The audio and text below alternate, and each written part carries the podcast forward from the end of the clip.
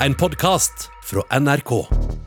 En nokså vanlig morgen i slutten av august skjedde det noe litt rart. Da Senterpartiets Liv Signe Navarsete satte seg ned foran PC-en sin på Stortinget, klarte hun ikke å logge seg på. I stedet poppa det opp en melding om at kontoen hennes var stengt. Og til tross for at hun fikk denne meldingen, så fikk hun lyst til å prøve en gang til. Men hun fikk det fortsatt ikke til. Ja, jeg tenkte først at det var jeg som eh, hadde logga meg inn feil. Så det, til slutt så satt jeg og trykte én og én tast veldig nøye. Så Liv Signe bestemte seg for å ringe IT-avdelingen for hjelp. De ba henne vente litt og heller prøve å logge seg på litt seinere. Og etter en stund forstår hun og mange andre alvoret i situasjonen. Noen forsøker å hacke seg inn i e-postene til flere stortingsrepresentanter, bl.a. Liv Signe Navarsetes. Og i forrige uke sa den norske utenriksministeren Ine Eriksen Søreide det rett ut. Det er russerne som har gjort det. Vi har også kalt inn den russiske ambassaden til Utenriksdepartementet, og de har da fått eh, beskjeden om vår attribusjon. Men hvorfor hacka russerne Stortinget? Og hva var det de egentlig lette etter?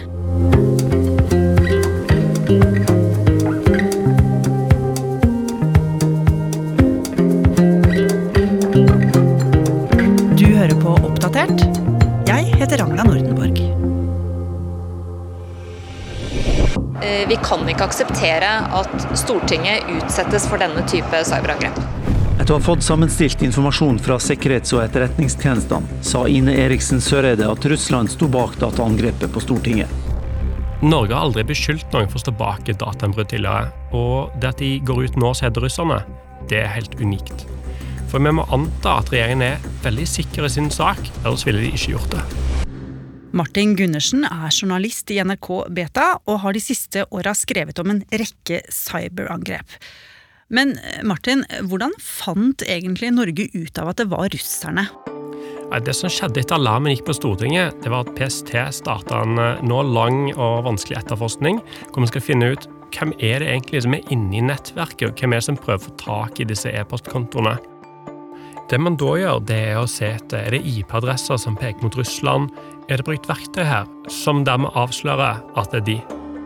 Det kan òg være informasjon om tidssoner, sånn at hackerne har jobba innenfor eh, Moskva-tid f.eks., eller at de har tatt eh, ferie i helligdager, eh, som kun Russland har. I tillegg så kan det være at vi har allierte som sier vi overvåker denne serveren, og vi så noe rart akkurat da. Sånn at det finnes mange måter å sette sammen puslebrikkene som til slutt gjør at man er trygg på å si akkurat nå mener vi at det er Russland. Men eh, har de lagt fram noe bevis på det, egentlig? Nei, ikke i det hele tatt, og det gjør det jo veldig lett å tilbakevise for Russland. Sånn at nå står vi i en situasjon hvor Norge påstår å vite hvem det er, men det er ingenting som støtter opp under det. Ok, men la oss anta at det stemmer, da. Eh, Norge virker jo rimelig sikre, Martin. Hva er russernes motiv for å hacke Norge? Det har ikke regjeringen eller PST sagt noe om, men Russland har en lang historie med å hacke seg inn i andre land. Sånn at hvis vi ser litt nøyere på de tilfellene, så kan vi kanskje likevel skjønne litt hva som er motivet deres. Please join me in welcoming Secretary Hillary Rodham. Thank you, my friends. Thank you. La oss starte med valgkampen i 2016 i USA. Eh, Her er Hillary Clinton en kandidat som mange har litt mistro til, og hun framstår som en politiker som har vært lenge i gamet. Plutselig så begynner det å dukke opp e-poster som får henne til å framstå som korrupt. Hillary Clinton is being forced to answer more questions about her past email practices. And don't forget the 33,000 emails she's already deleted. Og det viste seg fort at det var russerne som sto bak disse lekka e-postene, fordi de ønsket å vippe valget i retning Donald Trump. Men hva var det som hadde skjedd, egentlig? Ja, altså, Veldig mange i eh, Det demokratiske partiet fikk eh, litt sånn rare e-poster som spurte de kan du legge inn passordet ditt på ny og logge inn på Google fordi det er et problem. Og en av de som gjorde det, det var Hillary Clintons valgkampsjef. Han fikk en lenke som tok han til Google, og der la han inn passordet sitt på ny. Og når han gjorde det, så fikk de russiske hackerne tilgang til hans e-poster. Og det var over 50 000 e-poster som etter hvert begynte å renne ut og påvirke valgkampen. Så russerne gjorde dette for å eh, diskreditere Hillary Clinton, sånn at deres mann, Donald Trump, skulle vinne det amerikanske valget. Altså påvirkning av valget var motivet til russerne. Og kunne det passa inn her i Norge, Martin? Altså Det er jo stortingsvalg om under ett år. Ja, ikke helt fordi de politiske partiene i Norge de er ikke så forskjellige i synet på Russland eller utenrikspolitikk. Sånn at hvis du vipper valget i Høyre- eller Ap-retning, så er det mindre du har å vinne, rett og slett, enn i USA. Eh, men samtidig så kan det jo skade tilliten til politikere i Norge eller til enkeltpartier, sånn at folk ikke vil stemme med valg eller miste troen på norsk demokrati. Det du sier, Martin, det er at det er ikke så stor sannsynlighet for at russerne har hacka seg inn for å påvirke stortingsvalget neste høst, fordi det ikke er så stor forskjell mellom Erna eller Jonas, og det er heller ikke så polarisert her i Norge. Ja, det stemmer. Så hva kan motivet til russerne være da? For å svare på det må jeg ta deg med til Tyskland i 2015. Det er en rolig vårdag i Berlin. Tyske parlamentarikere får inn en e-post som kommer fra FN, og den ser spennende ut. For den handler om konflikten som da er brennhet mellom Ukraina og Russland. Men det de ikke vet, det er at den e-posten ikke kommer fra FN. Den kommer fra russiske hackere. Og hvis de åpner e-posten, som dessverre mange gjør, så har de latt russerne komme inn i nettverket.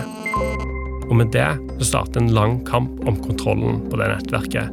Fordi russerne prøver å komme seg dypere og dypere, få tilgang til mer og mer informasjon om det tyske parlamentet. Og det skal egentlig gå 20 dager før angrepet er avblåst, og tyskerne har fått ut angriperne.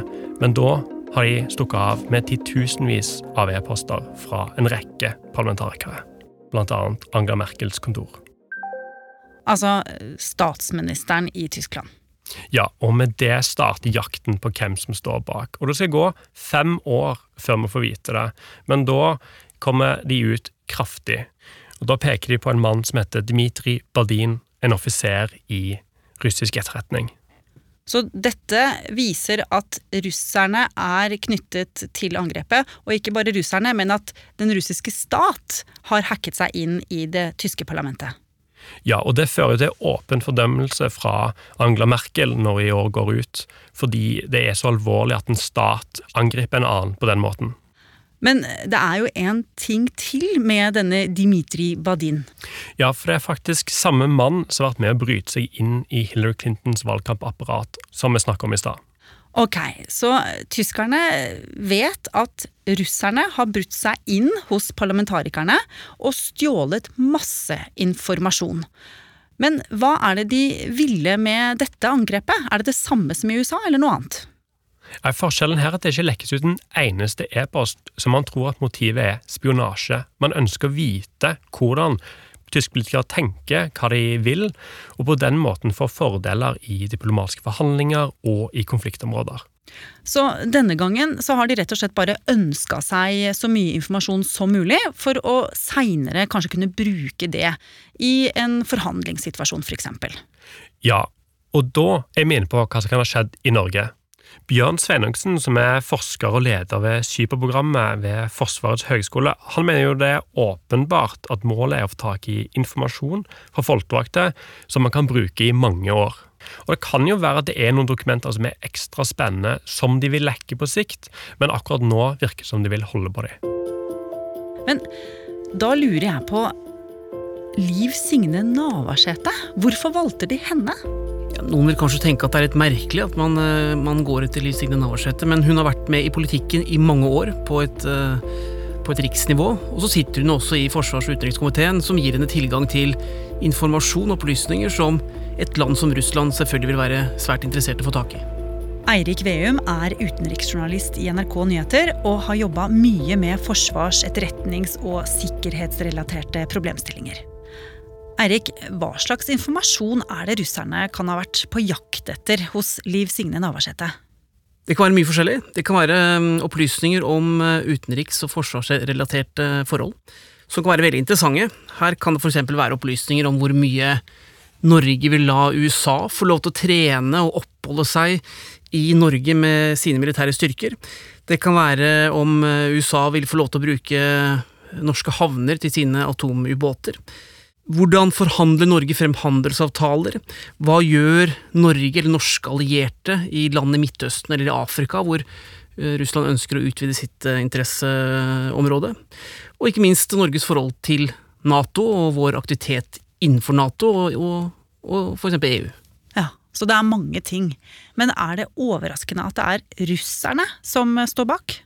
Det er tre land som norske sikkerhetsmyndigheter peker på som stater som ønsker og som driver etterretningsvirksomhet i Norge. Det er Russland, det er Kina det er Iran. Så det er ikke overraskende, men det blir selvfølgelig vurdert som alvorlig, fordi Russland nå er i en klar konflikt med Nato, som Norge er en del av. Og det gjør at uh, Norge bør se på stort alvor på det som skjer nå. Men Eirik, det er jo ikke lenge siden den norske spionen Frode Berg slapp ut av fengsel eh, i Russland. Eh, det er jo ikke sånn at vi er noe snillere enn russerne her, egentlig. Har vi ikke bare oss sjøl å takke? Ja, det er en måte å se det på. Samtidig så uh, handler det jo her om at Russland har forsøkt å få tak i norske hemmeligheter ved å gå inn på enkeltpersoners datamaskiner. Og det er klart, eh, det er en form for etterretningsarbeid som eh, en del land ikke mener er akseptabelt. Og det er vel også noe av forklaringen på at norske myndigheter reagerte såpass eh, sterkt som de gjorde denne gangen.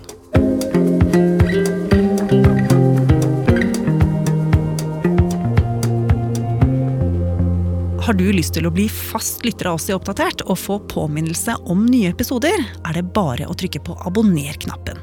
Og så er det veldig hyggelig hvis du vil anbefale oss til en venn.